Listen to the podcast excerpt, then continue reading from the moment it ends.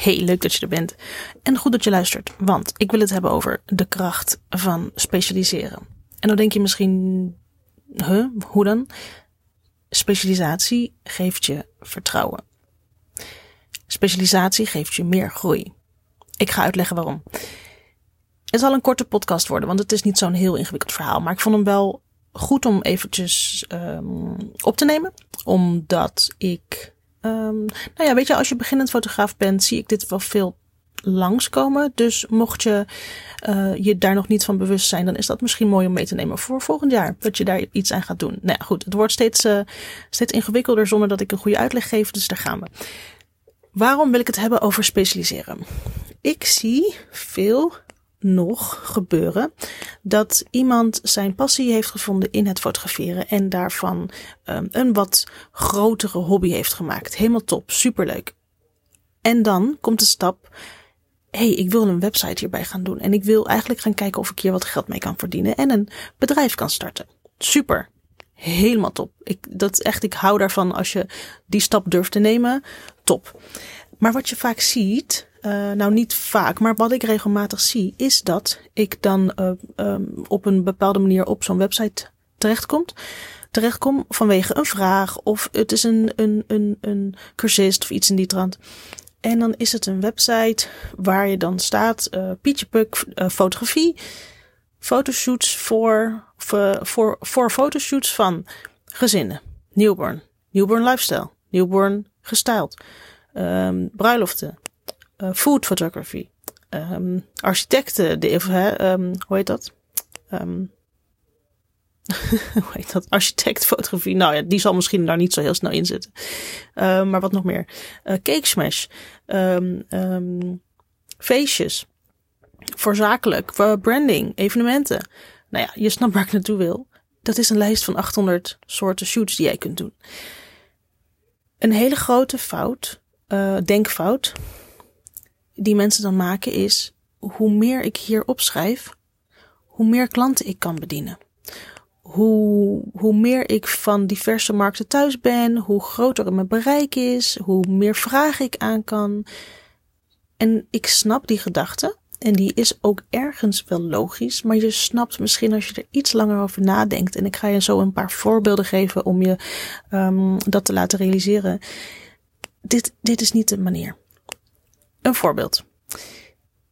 Wij hebben in Zoetermeer uh, van onze oude discotheek is een wereldrestaurant gemaakt. Nou ja, je snapt het misschien al. Een wereldrestaurant. Een restaurant waar je... Dat is dan zo'n all-you-can-eat ding voor best een smak geld per persoon. voor all-you-can-eat is het misschien niet heel veel. Maar goed, dat eet je ook allemaal nooit op.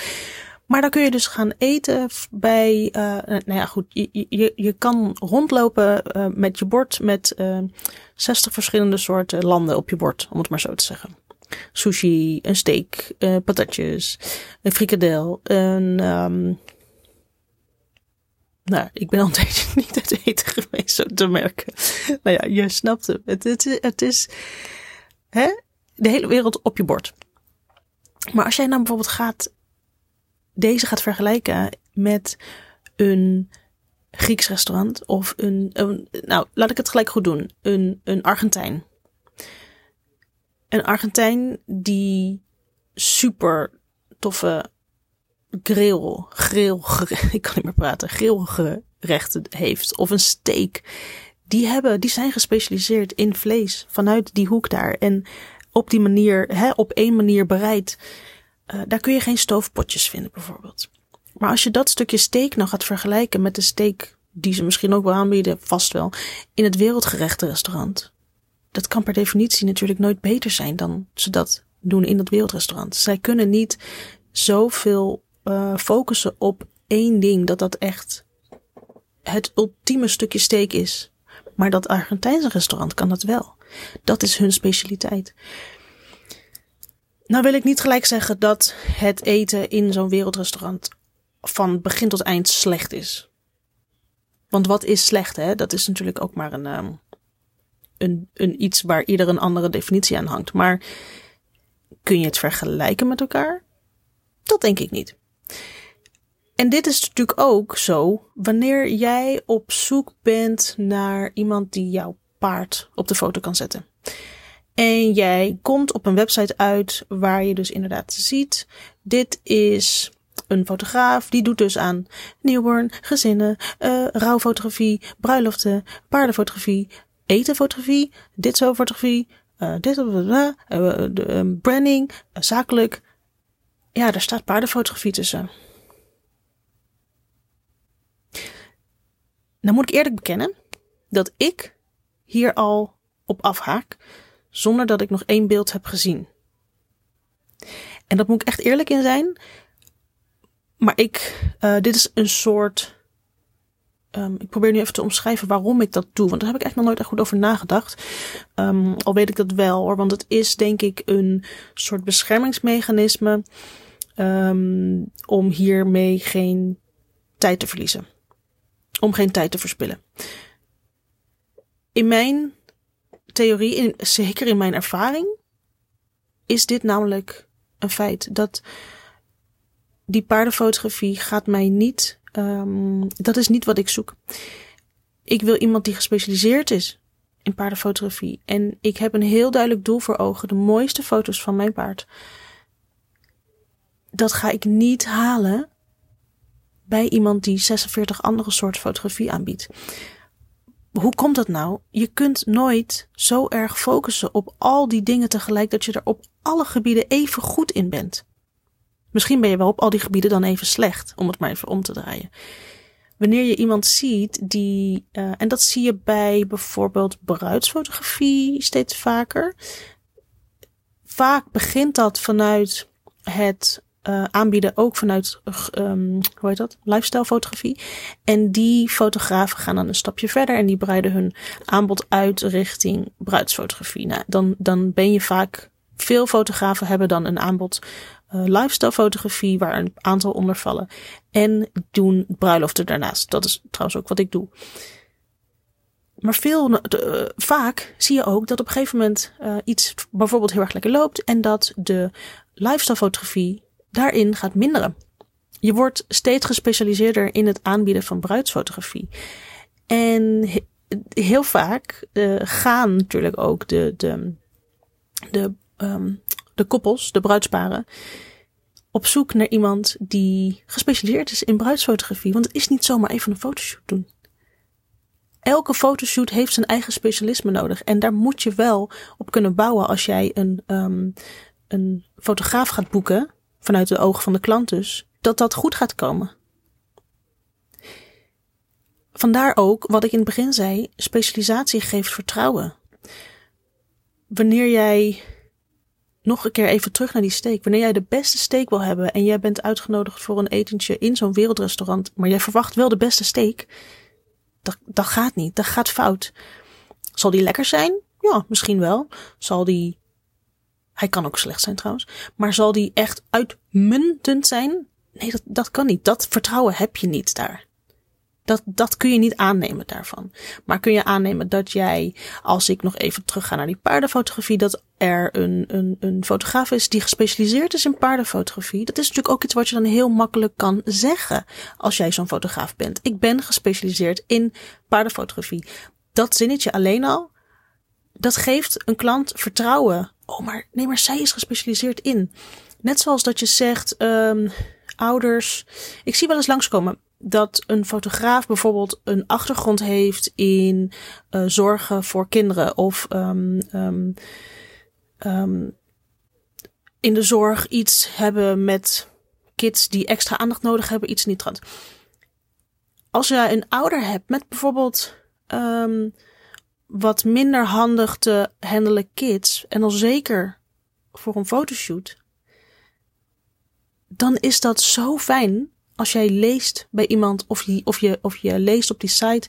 Oh, deze fotograaf heeft ervaring met uh, bijvoorbeeld hele drukke kinderen of iets in die trant. Of met een grote groep kinderen. Of met uh, juist heel veel aandacht geven aan een kind dat dat nodig heeft om leuk op de foto te komen.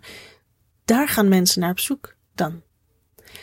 Dan gaan zij bijvoorbeeld niet aankloppen bij iemand die dus die 46 um, soort fotoshoots aanbiedt. Van oh, nou ja, dat is leuk. Dat zal dan ook wel weer een, een, een andere soort groep mensen aantrekken. En uh, dat is vaak niet de groep die jouw beelden dusdanig waardeert. Um, dat ze er ook veel aan willen uitgeven. Dus dat zie je dan vaak terug. Dat de prijzen voor, voor dat soort fotografen best wat laag liggen. Omdat hij ook een ander soort mensen aantrekt. Goed, zeg ik nou met deze podcast, um, wanneer jij bijvoorbeeld lifestyle newborn, gezinslifestyle, brandingfoto's en bruiloften aanbiedt, dat je helemaal verkeerd zit? Zeker niet. Maar er zit een verschil in kiezen wat je graag wilt doen en daar heel goed in worden. Of gewoon lukraak denken te ondernemen en alles aanbieden vanwege de verkeerde redenen als jij een beginnend fotograaf bent en jij hebt uh, te maken met het feit dat jij bijvoorbeeld nog niet kunt kiezen wat je wil doen, of je weet letterlijk nog niet wat jij leuk vindt, dan is, de, dan is het niet een manier om daarachter te komen door allerlei fotoshoots op je site te zetten, want dat schrikt alleen maar klanten af. Wanneer jij wil onderzoeken wat jij, um, wat bij, goed bij jou past en wat je uiteindelijk op je website wil zetten, doe dat dan achter de schermen. Zorg dat je een oproep plaatst of je zoekt uh, in jouw eigen netwerk naar newborns die je dan even gewoon gratis als portfolio materiaal desnoods of voor de oefening op de foto zet om erachter te komen of het wat is. Lijkt jouw cake smash shoots heel erg leuk om te doen? Het lijkt mij helemaal niks. maar dat komt misschien omdat ik elke keer moet opruimen dan. En ik heb geen studio. Laat ik het daar maar op houden. Maar, lijkt, maar weet je niet of je dat leuk lijkt en maar wil je er wel achter komen, ga dat doen. Maar um, en wat je dan krijgt is dat je gaat um, je zet stappen om erachter te komen wat jouw aanbod gaat zijn. Maar doe dat dan niet op die andere manier door alles aan te bieden, maar kies. Maar kies wel bewust en weet waarvoor je kiest. En een laatste ding wat ik wil zeggen over specialiseren is dat, ik heb het volgens mij al her en der laten vallen, maar specialiseren laat je ook veel sneller groeien.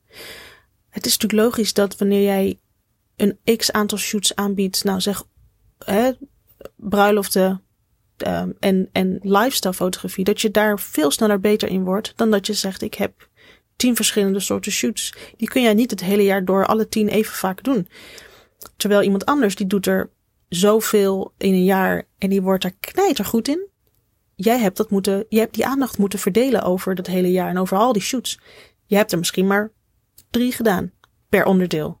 Ja, hoe, hoe goed word je daar dan in? Weet je, dus je stagneert die groei daar ook in. Dus hoe snel word je dan beter? Je houdt alleen maar je eigen groei tegen. Nou ja, dit is um, mijn boodschap. Is het iets waar je um, over twijfelt, laat het me even weten. Ik wil hiermee in ieder geval even misschien je wakker geschud hebben, uh, mocht jij je in deze situatie bevinden. En weet je, het is, het is dan misschien een mooie om dat eventjes te evalueren voor 2022. Van oké, maar heb ik hier, heb ik hier last van? Ben ik hier ook aan schuldig geweest om niet specifiek te zijn in mijn aanbod en eigenlijk te veel te willen doen als beginnend fotograaf, terwijl dat helemaal niet tactisch is? Gebruik dan even mijn um, gratis PDF. Die kun jij uh, downloaden bij inschrijving op mijn mailinglist. Die trouwens nog veel meer info geeft dan alleen maar die PDF. Maar met die PDF kun jij dit jaar gaan evalueren. En daar kun jij wat aan de hand van wat vragen die ik heb ingevuld, kun jij uh, dit jaar gaan evalueren. En daar haal je gelijk acties uit voor volgend jaar hou dan even in je achterhoofd dit onderwerp over dat specialiseren en ga daar eens wat dieper over in. En um, zo kom je tot inzichten. Want als je gewoon klakkeloos door blijft gaan en niet beseft dat dit je groei tegenhoudt, of niet beseft dat je eigenlijk veel beter kan doen dan wat je nu doet. En als je daar geen actie op onderneemt, dan blijf je zo doorkwakkelen. En dat is zo zonde, want dan groei je nog veel minder hard. Goed, laten we het hierbij houden. Als je vragen hebt, laat het me weten. En als jij al bezig bent geweest met die PDF, laat het me ook weten. Want ik ben ontzettend benieuwd wat voor inzichten jij hebt verzameld voor volgend jaar. Um, het geeft mij namelijk altijd ontzettend veel energie als ik dan nieuwe inzichten heb. Ik kan dan niet wachten om daarmee te beginnen. Uh, vaak begin ik er dan ook gewoon al aan. En dat mag ook natuurlijk ook. Je hoeft niet te wachten tot 1 januari. Uh, maar laat het me weten. Dat vind ik ontzettend leuk. En uh, even denken, ik had op Facebook, nee sorry, Facebook, dat is oud. Instagram een oproepje geplaatst van, nou ja, hè, de laatste paar podcasts, die ga ik nog opnemen voor dit jaar. En daar heb ik al wat onderwerpen voor. Maar als jij nou vanwege het uh, evalueren van dit jaar op bepaalde onderwerpen bent gestuurd waar je nu bijvoorbeeld vragen over hebt of, of iets meer mee struggelt dan dat je dacht, laat die vragen of die onderwerpen even bij mij, uh, drop die even bij mij in mijn DM. Want er zijn misschien wel hele leuke podcasts over te maken, zodat ik jou, maar ook iedereen anders daar nog mee kan helpen. Dus als je dat zou willen doen, heel graag. En dan zie ik jou graag de volgende keer.